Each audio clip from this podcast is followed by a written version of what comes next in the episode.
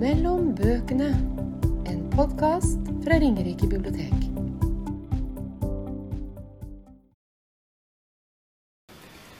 Hei og velkommen til Ringerike bibliotek sin podkast. Jeg heter Randi, og i dag har jeg med meg Bente. Hei, Randi. Hei, Bente. Og så har jeg med meg Wenche. Hei, hei. Ja, hei, Wenche. Nå er vi tre stykker her. Ja. Og vi skal starte med å snakke om frøbibliotek.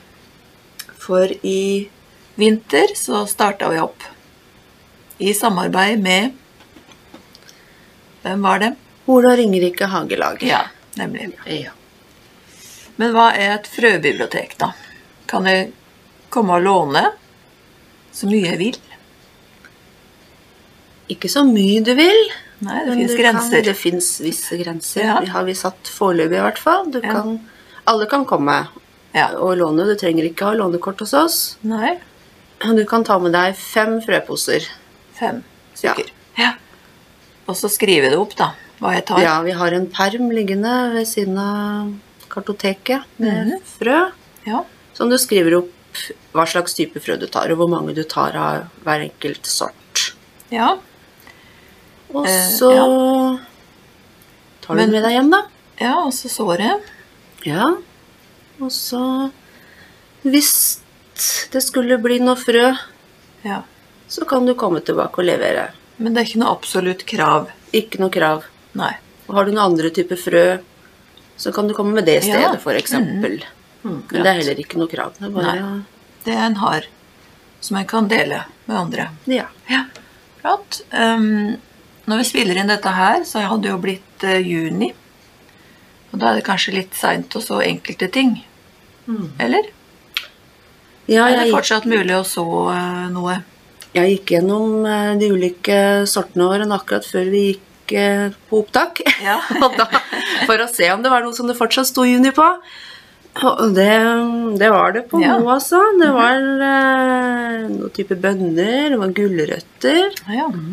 bladbete, så det er jo noen type grønnsaker. Og så Mhm. var det også noen type urter. Bladill og koriander og sitronmelisse. ja. Herlig! Har i hvert fall Fikk jeg lyst, eh, lyst til å prøve koriander. Ja, det er veldig godt. Det er og det passer så bra for meg, for jeg har jo ikke fått sådd noen ting, for jeg har drevet og flytta, vet du. Ja. Og så det har vært litt sånn bekymringsfullt for meg i du år, da. har jo ingen hage nå, Nei, ikke? men jeg har jo en stor veranda. Ja, det har så jeg må jo plante i potter. Ja. Ja. Da passer det fint med urter. ja, ja. det gjør det. Bare ut på balkongen liksom og plukke når du skal lage mat. Smart, altså. Det er som når du skal plukke bær, vet du. Du må plukke og ete samtidig. Ja. Veldig bra. Ja. Ja. Er Ja, vi har litt forskjellig utvalg, Bente. Av de frøene Ja, våre. vi har litt forskjellig. Vi har delt inn i mm, fire kategorier. Det er grønnsaker, og det er urter, og sommerblomster og stauder. Ja. Ja. Hva er det du syns har gått mest av, da? Er Sånn fra vi starta opp og fram til nå, liksom? Det har nok gått mest sommerblomster. Ja. Frø med sommerblomster. ja. ja. Det er jo hyggelig. Folk liker å pynte opp og glede seg over og Men det har nok, det har nok vært tatt av alle typer frøtre når jeg, lager statistikk. lager statistikk. Til sammen så har vi lånt ut Ja. eh, 490 frøposer. Oi! Fra 10. februar og til i dag. 490 poser. Ja, våpen spirer og gror det rundt omkring. Mm. Tenk Så gøy! Kjempegøy. Jeg har jo sjøl tatt med litt. Grann. Og dillen min begynner å bli ganske stor og fin nå. Ja, Dill syns jeg er så godt. Ja. Ja. Og ellers så sådde rødbeter ja. og polkabeter. Det er i hvert fall store blader nå. Hva som er under jorda, ja, det det blir jo spennende å se. Er det, er det ikke litt fristende å prøve å dra opp? Nei. Må ikke bli helt sånn kanskje på taket, som tar opp frø hver dag og ser åssen det er ligger an. Man får litt fred til å gro, da. Ja, det må jo det. Ja. Ja, ellers så har vi jo ei potte med gulrøtter inne på Ja. spiserommet vårt her, men de ser litt pjuskete ut. Jeg tror det blir dårlig avling der, gitt. Tror ikke vi blir mett av det der, altså. Vet ikke hva som er feil. Det er for lite lys, kanskje? Kan nok hende det er litt lite lys på dem. Mm. Det er jo Så lenge det er liv, er det håp. Vi er er noe grønt ikke døde. Nei, Det er ikke død, men Nei, for Det som blir litt fint med sånn frøbibliotek, da, det er jo at man har, kan ta med seg frø gratis uten at man har noe utgifter på det, for å prøve å se om man har grønne fingre, og om man får det til å vokse og gro. Så det, det er i hvert fall min tilbakemelding fra mange som har vært og henta frø, at ja, ja, de kan jo prøve. ja. Noen sorter som de kanskje før ikke ville ha kjøpt på frøbutikken, fordi frø er jo forholdsvis dyrt òg. I mm -hmm. hvert fall hvis du ikke helt vet at du får det til, at du har så grønne fingre, kanskje.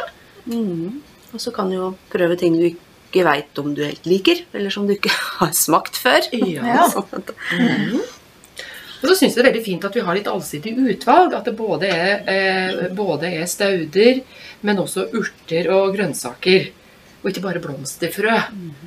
For det er jo artig å prøve å dyrke litt eh, og ha litt matauk sjøl.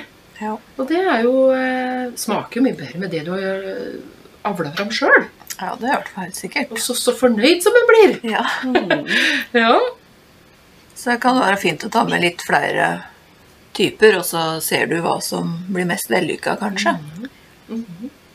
Det kan vel hende at hvis det feiler med noe, så får en ikke lyst til å prøve det igjen, men det er jo Nei, ikke jeg- farlig, da. Jeg traff jo på ei dame som sto der ved, ved kartotekskuffa. For vi har, jo, vi har jo brukt gamle kartotekskuffer fra gammelt av. Mm. Og organiserte organisert det på utmerket vis, Bente. Lekre farga Skillekort. skillekort og, og den eh, låneren eh, hun hadde tatt med seg noen sommerblomster som ikke ga noe spirte noe. Hmm. Så jeg sa, men vet du hva, du kan jo bare prøve igjen. Ta med en ny pose. Ja. Og så gjorde hun det. Ja. Så nå vet jeg jo ikke åssen det gikk, da, men uh, håper det har gått bra. Fordi på de små frøposene så står det jo litt Det står jo beskrivelse. Hva og når. Altså hvordan du sår, og når. Ja. Så du får litt tips.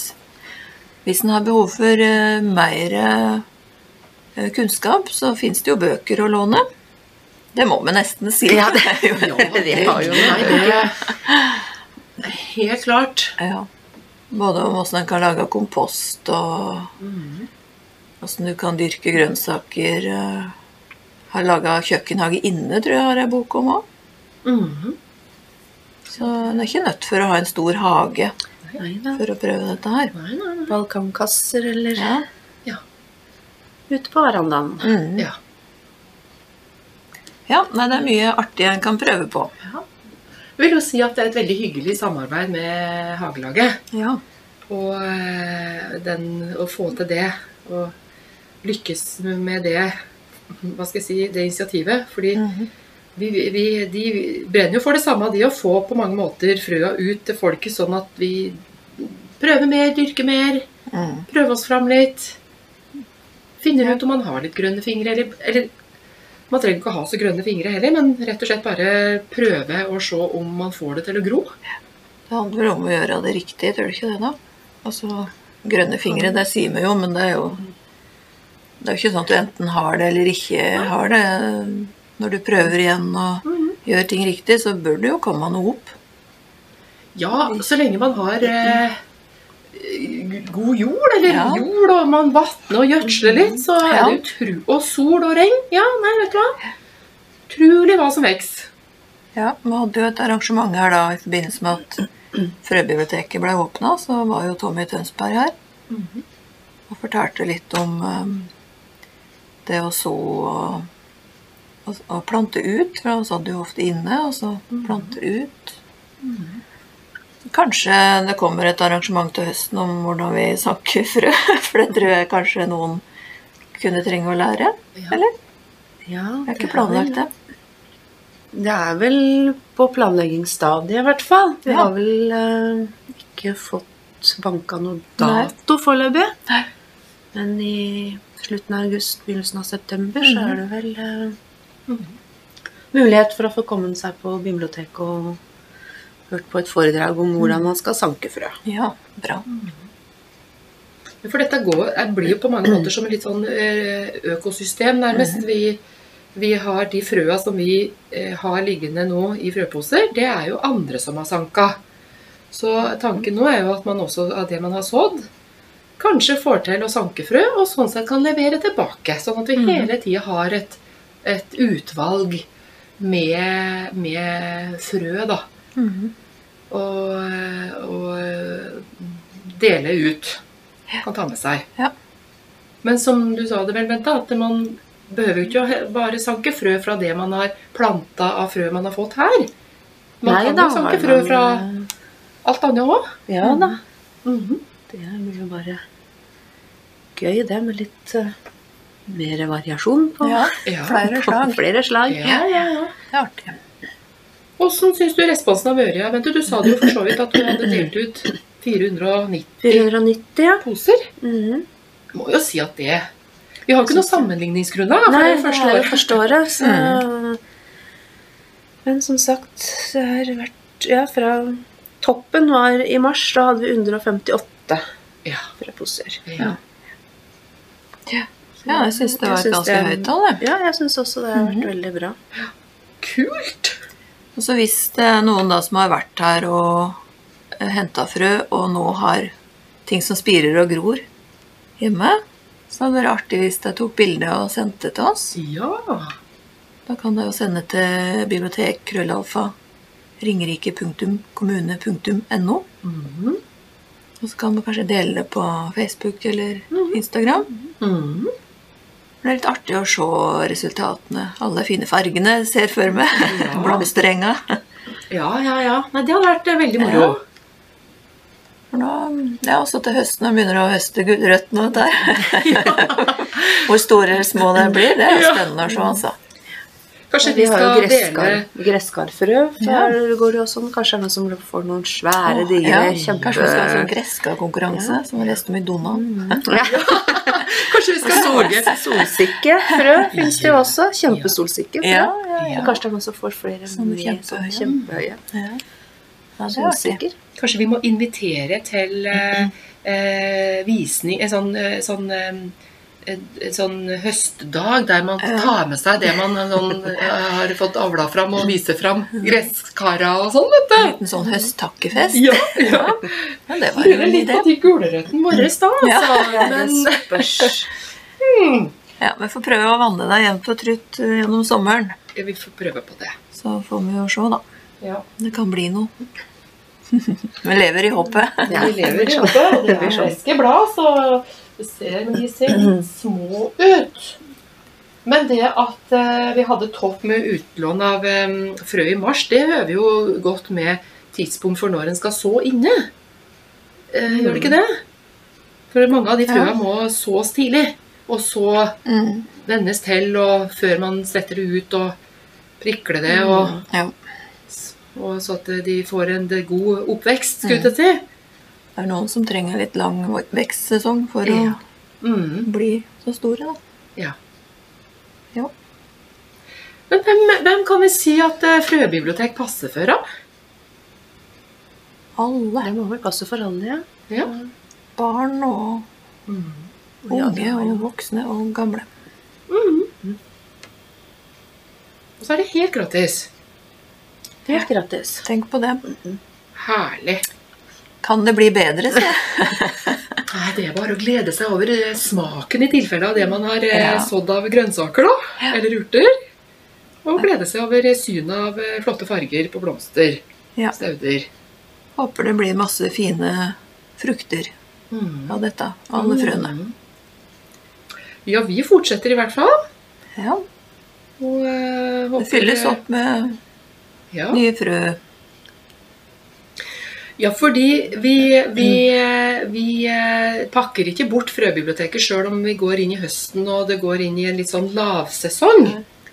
Nei, Kjent å stå det her framme hele året. Ja, Ja. Så kanskje utvalget er litt begrensa i perioder. Men Ja. så kan en jo planlegge neste sesong allerede nå. Og da så det det jo godt å låne med seg noen lekre hagebøker og Få inspirasjon. Ja. ja, For inspirasjon og kunnskap. Glede seg over hva man planlegger til neste vår. Nei, men nå må vi nyte sommeren som er nå, altså. Ja, Det, nå ikke Det er helt sant. Det er jo midtsommer i dag. hoppe over, liksom. Det kan vi ikke. Nei. Nei. Nei, men Skal vi runde av den sekvensen om uh, frøbibliotek, da? Ja.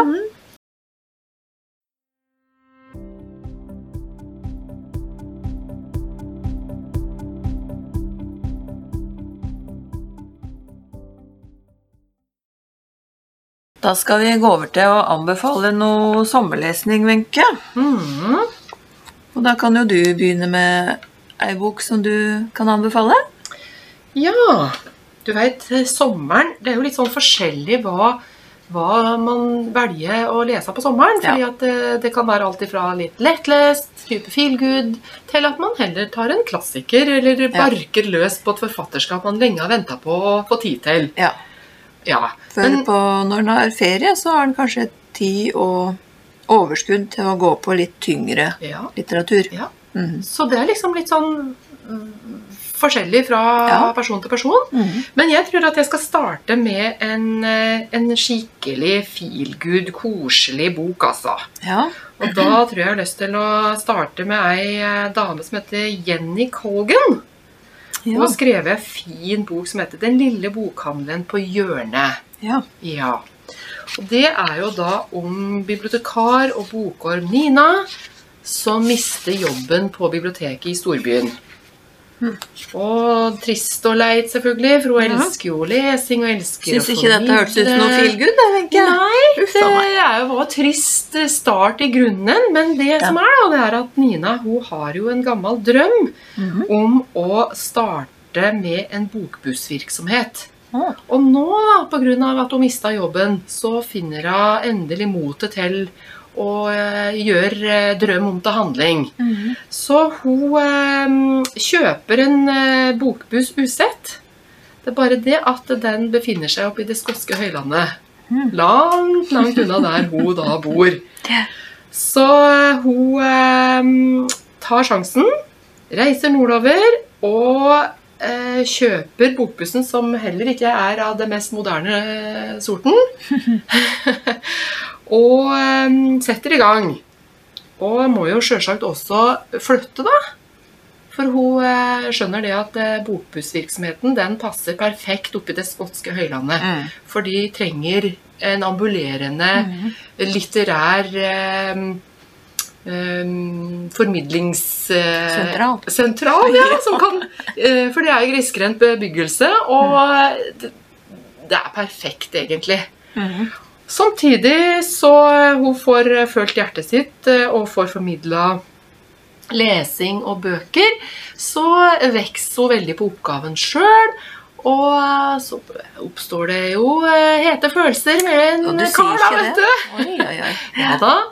Og ja, så det er, så det er litt romanse oppi det hele også. Ei lita, fin perle. Ja. Det er litt artig at du nevner den, for jeg har lest oppfølgeren, Har du det, ja? som heter Den lille bokhandelen på stranden. Ja. Det var en uh, søt bok. Den har uh, hun som du snakker om, heter Nina, ikke sant? Ja, Ja. Hun er med som en sånn biperson i denne boka. ja riktig. Det er det som heter Zoe, som, um, som det handler om der. Jeg skal ikke Ja. si noe mer om den, tror jeg. Nei, For da, det er så fort gjort å røpe noe av eh, det som skjedde i den forrige boka. Ja, ja, det må du ikke gjøre. Nei, nei, nei. Jeg tror at forlaget har eh, tenkt å presentere en trilogi Ja. i den, med en serie bøker av hun Jenny, Ja. forfatteren. Mhm. Mhm. Nei, jeg har lyst til å nevne en bok som heter Mitt hemmelige liv.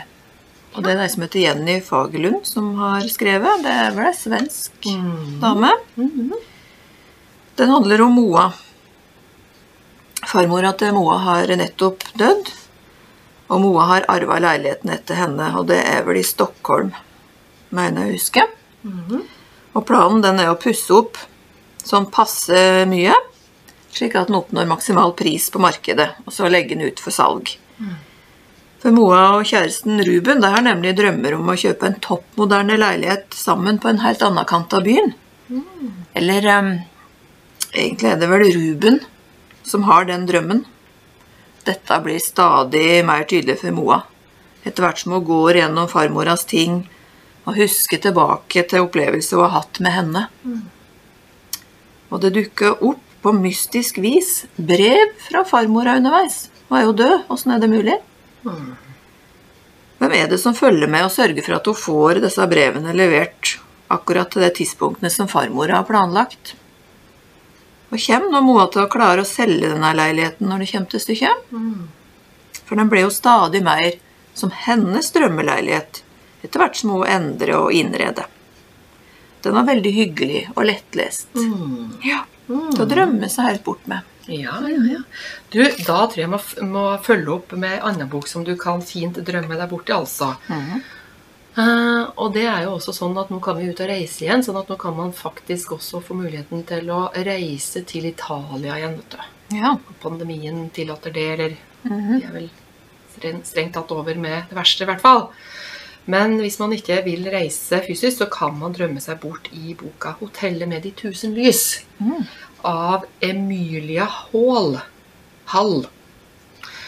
Og der, eh, oppe i en fjellandsby i Italia, vet du, der blant olivenlunder og sitrontrær, så eh, kommer Kit, ei engelsk ung kvinne, eh, til eh, dette hotellet med de tusen lys. For offisielt så utgir hun seg for å være en reiseskribent, men hennes egentlige oppdrag det og formål det er at hun skal finne sine aner. Hun er på leiting etter sin ukjente far.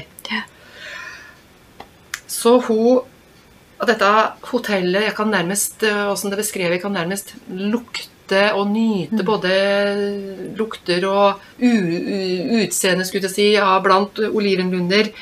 Der møter deg jo selvfølgelig også på hotellets sønn, da. Jaha. Og varme følelser oppstår. Men uten å røpe for mye, så kan jeg si at det byr på overraskelser. Men det var herlig å drømme seg bort Ja. i de nydelige miljøbeskrivelsene av natur, lukter av planter, mat, italiensk mm. Det hørtes veldig koselig ut. Ja. Ja. Hotellet med de tusenvis. ja. Da vil jeg fortsette med enda en sånn type feelgood-bok som heter Vår tid er alltid. Det er ei som heter Sophie Cousins som har skrevet. Og den handler om Minnie som er født 1. januar. Fra første stund så har det ført ulykke med fødselsdagen hennes, altså 1. januar. Hun kunne nemlig ha blitt årets nyttårsbarn i 1990. Da hadde foreldrene vunnet en stor pengepremie. Men dessverre så ble hun slått på målstreken av Quinn Hamilton. En gutt som uansett var født med sølvskje i nærmest alle kroppsåpninger. Nei, det er ikke rart at Minnie har et anstrengt forhold til fødselsdagen sin, og liker å ligge veldig lavt i terrenget for å unngå uhell hver 1. januar. Men som ved skjebnens lune så støter hun på på sin 30. fødselsdag nettopp han her Queen Hamilton. Og utover året skal det komme til å skje mye mellom de to, og hun må ta opp til revurdering det synet hun har hatt på han. En virkelig så håpløs og bortskjemt som hun alltid har tenkt og har hørt fra mora si i alle år? Ja, nettopp. Sier ikke mer. Den var romantisk, humoristisk, veldig god flyt, lettlest. Mm. Alt en kan ønske seg en feelgood-roman. Hva var tittelen igjen? Vår tid er alltid. Ah. Mm. Interessant. Mm. Den, den fikk jeg lyst til å lese. Ja. Ja. Ja, um, jeg har litt lyst til å få uh, snakka Eller få um, uh, nevnt også ei fin, lettlest og med litt ettertanke, og basert på faktiske hendelser, ei norsk bok av Jorid Mathiassen. Ja. Em, der hvite liljer vokser. ja. Ja. Og det er eh, Var ikke hun forfatteren litt kjent på en måte? jo, det er hun. Fordi hun ø, var den som fikk landa Lucinda Rileys ø, Syv søstre-bøker Ja. utgitt i Norge. Ja. Det var jo Mhm. Og nå, hun, nå er jo de fullendt. Mm Mhm. Eller er de Nei, altså- det, egentlig? Det som skjedde med Lucinda Riley, var jo at hun døde. Ja. Men jeg har hørt at den siste boka Mm. skal komme. ja. Sønnen skulle ta ansvar for Ja. å Så vi får bare vente i spenning. Mm. Men Jorid hun har da tydeligvis kanskje blitt inspirert av Lucinda, kanskje, hva vet jeg. Mm. Men i hvert fall tatt pennen fatt og skrevet boka 'Der eh, hvite liljer vokser'. Og det er altså om eh, ung kvinne, Linnea, som reiser fra Oslo og nordover. Hun har eh, behov for å få litt avstand på litt forskjellige ting i livet sitt. Og har eh, via en venninne fått muligheten til å låne et koselig lite hus nordpå. Etter eh, ei eh, dame som har en gang bodd i huset, som da nå er død. I dette huset så skjønner at det, det, det ligger noe i veggene. Eh, Det er en historie som på mange måter vil fortelles. Og finner også noen eh, spor, noen bilder, som skaper nysgjerrighet for hvem var nå denne gamle dama, og hvilket liv levde denne kvinnen som bodde i dette huset. Som naboen sier var veldig eh, alltid aleine, men fantastisk flott hage. Eh, Men hadde ingen barn og var ensom tilsynelatende. Ja. Så det eh, fortelles jo fram da en historie eh, fra krigens dager, hvor eh, bl.a. serbiske fanger eh, bodde i nærheten av dette stedet nordpå. Hvor de da var i fangenskap og var satt til å bygge Nordlandsbanen. Ja. Som vi, eh, og historien forteller, er kalt for eh, Blodveien. Mm. Og det viser seg jo at denne mm, dama som bodde i huset som nå Linnea bor i, var jo, har jo vært ung en gang. Ja. Og hun var jo da eh, blitt kjent med en av de serbiske fangene. Mm. Eh, og uten å røpe for mye, så kan jeg vel si at det er en kjærlighetshistorie Mm. eh, fra gammelt av. Og, en, og også om en kjærlighet som varte livet ut. Ja. Um, Linnea på sin side, hun eh, må også gå eh, på mange måter litt igjennom en personlighetsutvikling, hun også. Mm. For hun eh, må lære seg å bedre å kjenne, og hvilke Ja, hva hun er i stand til å hvordan hun er i stand til å skal leve sitt voksne liv. Mhm. Sånn form for utviklingshistorie også. Boka er, var engasjerende, lettlest og basert på faktiske hendelser. Men eh, fin og rørende og ja, litt ettertanke. ja. Hørtes ut som en fin bok. Mhm. Da vil jeg nevne ei som heter Dama til Rune. Mm. Det er ei som heter Marianne Teie, som har gitt ut den boka. Det er hennes første roman. Før så har hun gitt ut eh, dikt. Mhm. Eh, hovedpersonen og jeg-personen i denne romanen hun orker ikke lenger å være dama til Rune. Så nå har hun reist til hytta på Sjusjøen, som hun og søstera eier sammen. Rune han ringer og ringer, men jeg-personen nekter å snakke med han. Hun har jo på en måte rømt fra han. Hun må bare ha en pause. Og jeg tror ikke det står noe sted hva hun heter. Det er jo um, litt beskrivende, kanskje. Jeg tror det handler litt om det at hun har bare vært dama til Rune. Hvem er hun sjøl, på en måte? da? Så det er å finne seg sjøl. Etter hvert som dagene går og opplever små ting i et ganske stille hyttefelt, så blir vi presentert hendelser og møter som fortelles om hvordan og hvem hun er, og kanskje samtidig hvem og hvordan hun ønska at hun var. Vi får òg et tilbakeblikk på livet hun har levd, og det har ikke vært enkelt. Sakte så blir dette pusla sammen til at vi får et slags eh, bilde av jeg-personen og situasjonen hun står i. Og jeg som leser, jeg kjenner et håp om at dette her skal la seg løse til det beste for alle parter. Jeg syns det var en veldig velskreven roman om, som vekker tanker og følelser. Og forfatteren har lykkes i å gi et bilde av et sammensatt og troverdig menneske. Så den kan jeg anbefale. Dama til Rune. Fint. Ja, Hadde du noen flere, du, da? ja. Har du lest noe krim, noe god krim i det siste, Randi? Um, Nei, ikke noe sånn supergod. Har du? Ja, jeg har egentlig det, fordi ehm, nå eh, Jeg tror jeg, jeg har eh, veldig sansen for ei eh, norsk eh, dame, forfatter som heter Randi Fuglehaug, Ja. som har skrevet en ny krim som heter 'Tonedød'. ja. Og Fallesyke var den første. ja, Den har jeg lest. Ja. Den var for så vidt Ja, jeg fin.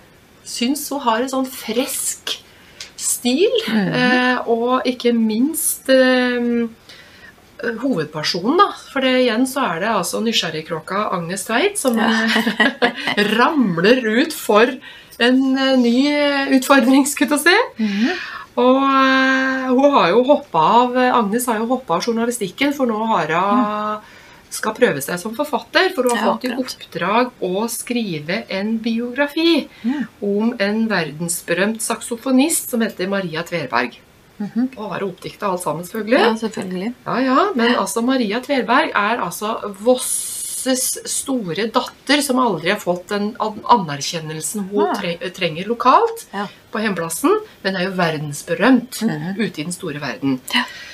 Em, nå skal Vossajas åpnes, og det er altså da Maria Tverberg, denne anerkjente saksofonisten, som har fått oppdraget med å skrive mm, tingningsverket Mm.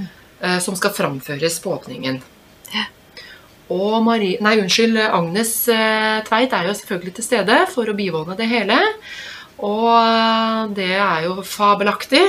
Og eh, denne Maria er jo da en, en dame som også er eh, vant til å ta ordet, og benytter da anledningen til å si noen velvalgte ord.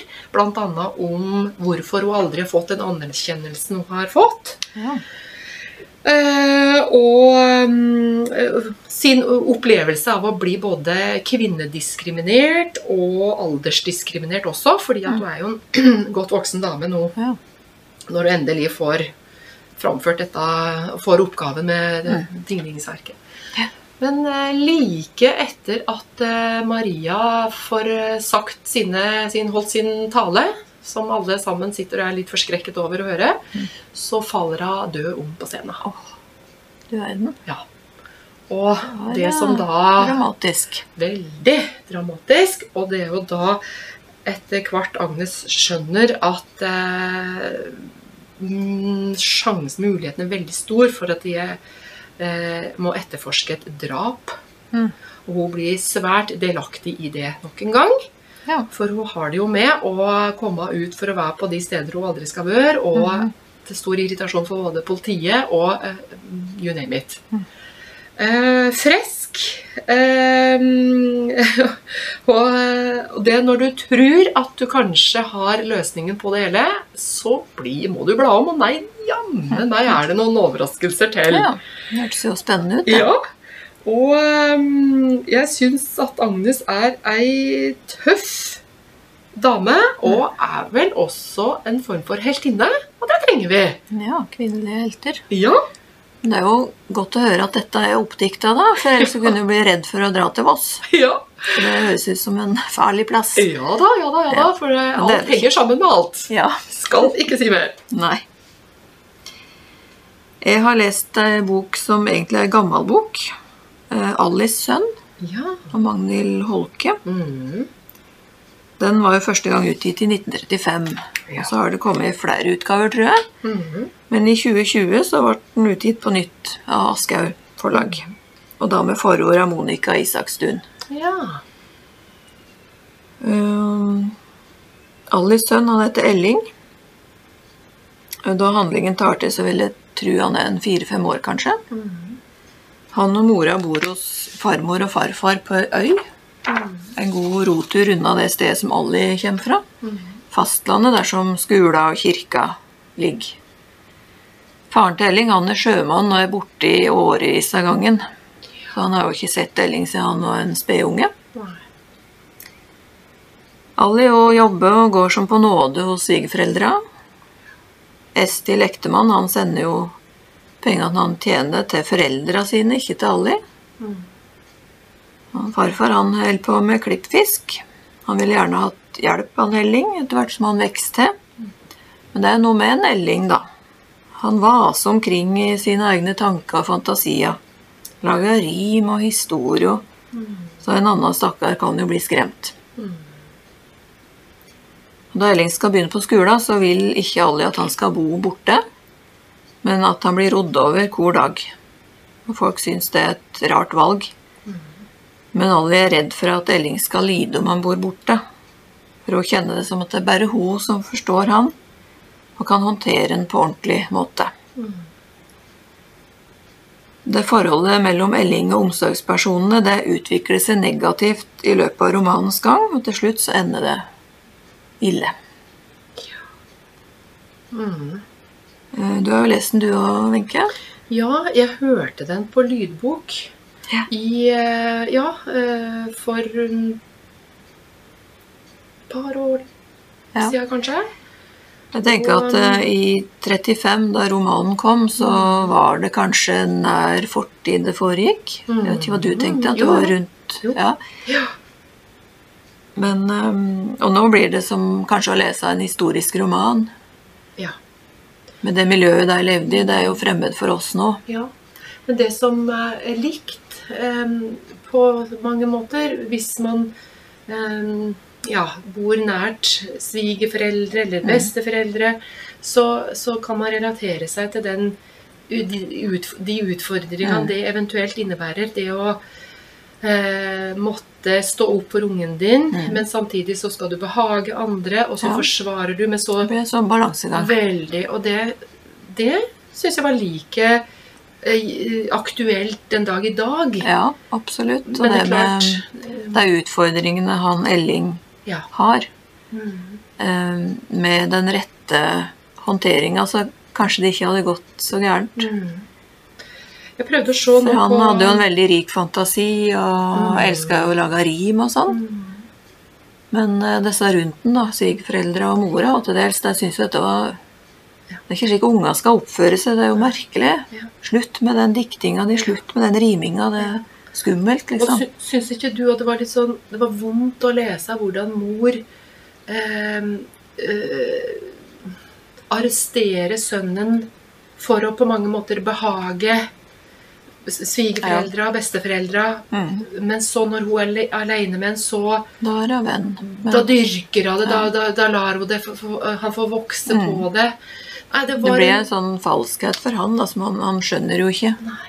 det var opprørende å, å høre den. Og forstår veldig godt at, eh, at det er en, ei bok som eh, hun fikk stor oppmerksomhet. Eh, Ja, og som du sier, sånn har jo aktualitet, aktualitet i dag Ja. òg. Ja. For det at du kan ikke banke alle inn i en sånn A4-form. Eh, Det blir da ikke lykkelige eller gode mennesker av. Nei. Jeg prøvde å se nå på den Bookbites-appen som jeg l hørte lydboka. Det er jo bibliotekets eh, eh, mm, lydbokapp. Ja. Eh, blant annet. Og, men jeg kan ikke se noe hvem som var innleser på den. Nei. Men det var eh, svært god innleser. Mm. Ja. Jo, unnskyld. Lest av Hildegunn Eggen. Ja. ja. Og for handlingen også passa perfekt til boka. Mm. For eh, handlingen foregår jo også et sted på Trøndelagskysten. Ja, det var det, ja. Ja. Og hun, har, hun eh, leser jo, er jo trønder. Nei, det var en veldig god innleser. Ja. Mm. Så tenker jeg, den, den er jo ikke vanskelig å lese, men den er jo sånn tematisk er den jo litt tung. Ja. Men den, eh, det syns jeg var en, en veldig god bok. Veldig, helt enig. Ja. Anbefales. Ja. Løfte Det er jo en gammel bok. Ja um, Ja. Um, nå, apropos eh, Det er fint å få med noen, eh, noen tips også til uh, unger ja. og til barnefamilier. Og da har jeg lyst til å slå et slag, altså løfte fram en serie av uh, forfatter som heter Camilla Brink. Hun er svensk, men har eh, utgitt opptil flere bøker nå i en serie eh, om musse og helium. ja. Det er to små mus, musse og helium, og hvorav det er um, forskjellige mm, titler til hver enkelt bok som er utgitt. da Mhm. utrolig skjønne bøker om de to små musene som uh, kommer ut for uh, utfordringer både som en fare for dem i dyreriket. Eh, første bok heter Musse... Nei, unnskyld. 'Mysteriet med hull i veggen'. De kan nok leses uavhengig av hverandre, men de er jo utgitt i en serie om musse og helium. da. Skjønne bøker, og illustrert, og flotte illustrasjoner. Ikke sånn veldig mye illustrasjoner, men nok til at du kan fordype deg litt i de, og glede deg over de ja, vakre illustrasjonene, altså. Hva slags aldersgruppe passer bøkene for da? Det er sånn Ja, seks-sju og oppover? ja det vil jeg si. Ja. Og de er jo utmerket til høytlesning. Mhm. Da vil jeg anbefale um, Grisaldo Ja. av um, Bjørn F. Rørvik. Ja. Ja. Og illustrert av Per Dybvik. ja. Reven og grisungen er jo to karakterer som eh, Rørvik har brukt i mange bøker. Men nå har han eh, gått til en litt sånn tykkere format, med mer tekst og ikke så mye illustrasjoner. Og her eh, driver reven og grisungen og spiller fotball på Reveløkka. Og da leker reven at han er Bertil Fox, og grisungen kaller seg for Grisaldo. Men så syns reven at han Eller reven blir litt for god for grisungen. Og på stillingen 5-0 til reven så bestemmer Grisaldo seg for å legge opp. Han skal aldri spille fotball mer. Han skal heller satse på sjakk. Ok. Og det var egentlig et veldig dumt eh, tidspunkt å bli uvenner på. For like etter så blir reven utfordra til fotballkamp av dåsemiklene. Og de som har den skikkelig gode svensken Håkan Gren på laget. Nå hadde reven trengt både Grisaldo og flere til på laget. Dette her var eh, humoristisk og spennende for deg som liker fotball, og som kan kjenne seg i, igjen i dette med litt kjekling som ender i uvennskap, men som det heldigvis går an å ordne opp i. Ja. Så jeg syns han Rørvik skriver veldig morsomt, og det er gøy for voksne å lese høyt for barna òg, fordi det er noe til oss voksne og litt sånn humor. ja. Ja, Han leker seg med språk og ord og settinger, Ja. og det er en fryd. Mm. Han har jo disse eh, detektivfortellingene om Purion, mm. som er veldig fornøyelige. Ja. Det er også illustrert, men av Aalbu. Ragnar Aalbu. Ja. Og han har sin egen stil som er Ja. veldig fornøyelig, syns jeg. ja da. Som Per Dyb Dybvik har sin Ja, stil. han har i hvert fall sin stil. Ja, Ja. ja. absolutt. Mm, jeg har jo bare Jeg har med meg noen sånne eh, bøker som vi har prata om litt eh, før òg, det. Ja.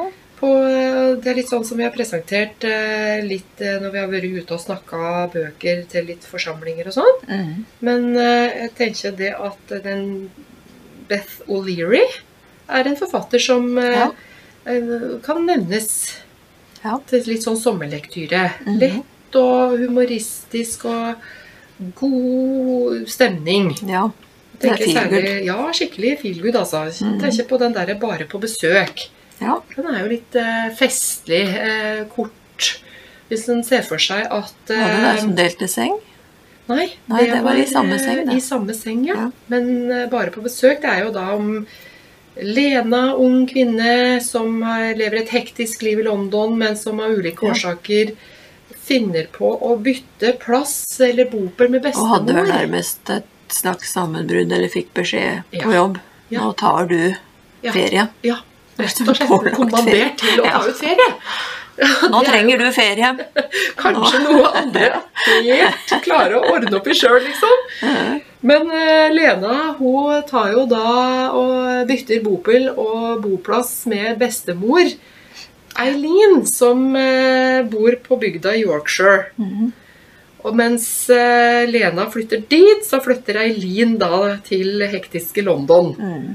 Og det er eh, festlig å lese hvordan de på ulikt vis klarer å finne eh, ut av Ja, tilværelsen for på et det veldig klarer seg jo kjempefint. De gjør det, vet du. Ja. Og det var en eh, herlig, eh, Ja. herlig bok. Mm. Morsom og Ja. lesverdig. Ja. Jeg har lyst til å anbefale barnebok til. jeg. Ja. 'Unike Edgar' av Arne Svingen. Ja. Arne Svingen er jo kjempeproduktiv. Han skriver masse sånn grøssersjanger, og, og så har han eh, Han har nok en forkjærlighet for litt sånn humor òg. Ja. Det det jeg liker veldig godt med bøkene hans, at det er litt morsomme. I Unike Edgar så blir vi kjent med Edgar som er 12, snart 13. Og han har Downs syndrom. Bor ikke med mora si, men for seg sjøl. Og der er det forskjellige mammapappaer, som han kaller deg, som passer på han. Mm. I klassen hans så er det Sverre og en hel gjeng som av og til vil at Edgar skal henge med deg. Og noen ganger så skjønner Edgar, fordi de ler på en litt sånn rar måte halvveis inni seg, Mhm. at de tuller med han. Men det hender han blir med på det de foreslår likevel. Men han var ikke med å knuse den ruta på skolen. Og han tissa ikke i hagen til Sinna-Lars. Niks. Da han skal feire 13-årsdagen sin, så ber han da Sverre og gjengen fra skolen. Og Sverre stiller som betingelse at da må han òg be Sinna-Lars. Og det går Edgar med på. Sinna-Lars han virker jo som en ok, helt vanlig mann, han. Så lenge ingen plager han. Og egentlig så heter han bare Lars. Og det bursdagsselskapet, det ble litt av en begivenhet. Og etterpå blir det veldig mye å ordne opp i for Edgar. Det er Edgar sjøl som forteller, og Svingen klarer å gjøre dette, syns jeg, da, truverdig, morsomt og følsomt. Mm.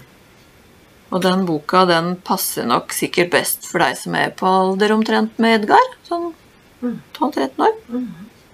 Men jeg tror at ungdomsskoleelever, eller ungdom, da, kan finne boka både underholdende og lærerik. Ja. Ja. Svingen er, som du sier, veldig produktiv, og Ja. det, er, det skal vel kanskje godt gjøres at man ikke finner noen av hans bøker som kan passe til nesten alle barn og unge. Ja, så veit jeg at han eh, Svingen er veldig opptatt av det med gutter og lesing. Ja. At gutter skal ha Ja. bøker som de kan kjenne seg igjen i. Ja. For det Jeg veit jo ikke om det er sant, da, men um, en hører jo av og til at eh, det er vanskelig for gutter å finne lesestoff. Mm. Fordi det er så mye jente Mm. Sånn som jenter liker, da. Mm. Og jentene er mer altetende, kanskje. De kan lese både om gutter og jenter som Ja. hovedperson. Ja. Mens kanskje guttene er litt mer kresne på det at da skal det handle om gutter. Mm. Eller jeg veit ikke. Nei, men de har kanskje større behov for å identifisere seg med Ja, forte- kanskje. fortelleren eller Mm. eh, hovedpersonen. Ja. Eh, Jenter kan fint uh, uh, finne det interessant å Mm. kanskje lese om en annen, et annet kjønn. Altså, ja. Ja, men systematisk så tror nok bøkene til Arne Svingen appellerer Ja. til gutter. Mm, det føler jeg òg. Mm. Mm. Men hva leser du nå, Randi? Har du noe bord på, nei, bok på nattbordet du, Jeg eller? har akkurat lest ut eh, 'Det angår også deg' av Herman Saknovic. Den det er en gjenlesing, for den har jeg lest før. Ja. Herman Saknovic var jo fange i Auschwitz. Ja. Var i flere fangeleirer, men han eh, begynte der, mener jeg. Mm. Og det var jo eh, Hva skal jeg si? Det var jo et mirakel at han overlevde. Mm. Den behandlinga som de fikk. Mm. Så har jeg også lest ei anna bok om eh, Den nevnte jeg i forrige podkast, Sonderbehandling. Mm. En som heter Philip Müller. Som var enda tettere på mm, eh, krematoriene og gasskamrene. For han jobba da med Mm. og ja, for, Han jobba mye med klær, da. For de kledde jo av seg før det gikk i gasskamera. Mm. Mm. Og det er bare sånn Den fabrikkmåten de tok livet av så mange mennesker på, det er helt uhyrlig. Ja. Vondt. Um, forferdelig. Jeg kan ikke helt forklare det, men nå ble jeg bare litt sånn oppslukt av å lese Mm. om det. Så nå har jeg også begynt på Primo Levi. Mm. Han har jo skrevet flere bøker. Men mm. er, 'Hvis dette er et menneske', jeg tror den boka heter. Som jeg begynte på nå. Mm. Så disse er det vitneskildringene. Mm. Tenker det er litt viktig at alle egentlig burde ha lest det. Mm. Jeg kan anbefale Saknovic sin bok, for den er godt skrevet. Mm. Ja. ja. Um, Og jeg har vært i, Auschwitz. ja. og sett uh, både den og, og eh, Sachsenhausen, flere, flere av de, og sett disse gasskamera, hvordan de mm, ja, samla opp klær, briller, hår. Ja. Og hvordan de økte på med størrelsen på gasskammeret, så at de kunne ta 6000 i slengen ja. effektivt. Få det unna. Nei, grusomt. Helt forferdelig. Mm. Ja, det er jo Så ikke det er kanskje ikke noe å anbefale sånn til sommerlesning? Nei. Nei da, men det er sånn som livet er. Det er uh, søtt og surt. Det er uh, godt og vondt. Og eh, sommer eh, kan også Kanskje man er mer rusta til å lese Mm. ting som er litt eh, tyngre da Ja. enn Om ellers en i ikke akkurat leser sånne ondskapsskildringer, så kan man jo lese andre tunge, litt tyngre, litt mer krevende Mm. litteratur, da. Mm. Jeg har På nattbordet mitt så ligger eh, Så ligger eh, ei bok av eh, en forfatter som heter for eh, Karin Smirnov. Ja. Og det er ei eh, svensk, en svensk forfatter som eh, jeg har eh, stor glede av å lese. Og det er bok nummer to i en serie hun har planlagt i tre. Mhm. Hvor eh, toeren da heter 'Vi dro opp med mor'. Ja. Første boka het 'Vi dro ned til bror'. ja. Og her em, er samme hovedpersonene. Det er eh, tvillingparet Jana og bror. Som da skal dra opp til et sted eh, som ikke husker ved navns nevnelse, men nord i Sverige. Opp til grensa mot Finland. For å rett og slett begrave mor ja. som de har hatt, i hvert fall eh, Jana, hatt svært liten kontakt og relasjon med. Men de reiser da oppover fordi mor skal begraves. Ja. Og der oppe så møter de jo et veldig religiøst miljø. Eh, de er veldig, ja, som sagt, religiøse, og det er et eh, tett eh, samhold hvis så fremt du bare er en del av menigheten, eh, hvor da mor til disse to tvillingene reiste fra og eh, flykta fra i sin tid. Så skjer det at eh, bror finner veldig tilhørighet til i denne religiøse sekta eller menigheten, til stor forskrekkelse og angst for søster. Ja. Eh, og eh, hvordan skal nå dette gå? Mm -hmm. um, ja. Jeg, jeg, vil, eh, jeg er jo ikke ferdig med boka, så jeg vil ikke røpe noe mer. Men jeg liker hennes skrivestil. Den er Ja. veldig veldig annerledes. Ja. Det er ikke store bokstaver på egennavn. Det er sammensetninger av navn eh, og uten komma. Så det er en sånn finne flyten i det. Men det er en sånn både følsomhet og en smerte i hvordan hun skriver, som må nesten bare oppleves. Jeg kjente nok at når du sa det der, så fikk ikke jeg så lyst til å lese det. Nei. For det syns det er litt sånn irriterende når. Forfatteren overlater til leseren og skal finne ut av ting. Mm, Det er sånn språklig, da. mm, Jeg liker mer at det er god flyt og sånn. mm. Ja, den Men, eh, må du jobbe litt med. Ja. Det kan være bra, det, da. Ja, men det som Hvis jeg kan si om det er noe som irriterer meg litt, som jeg finner som litt sånn u, ulogisk, det er at uh, enkelte ord i oversettingen er på dialektord. Ja. En blanding av litt trøndersk, nordlandsk. Mm. Det syns jeg lugga litt. Ja. Men eh, ja. ja. Vel, vel. Skal være noen utfordringer òg. Skal jo det.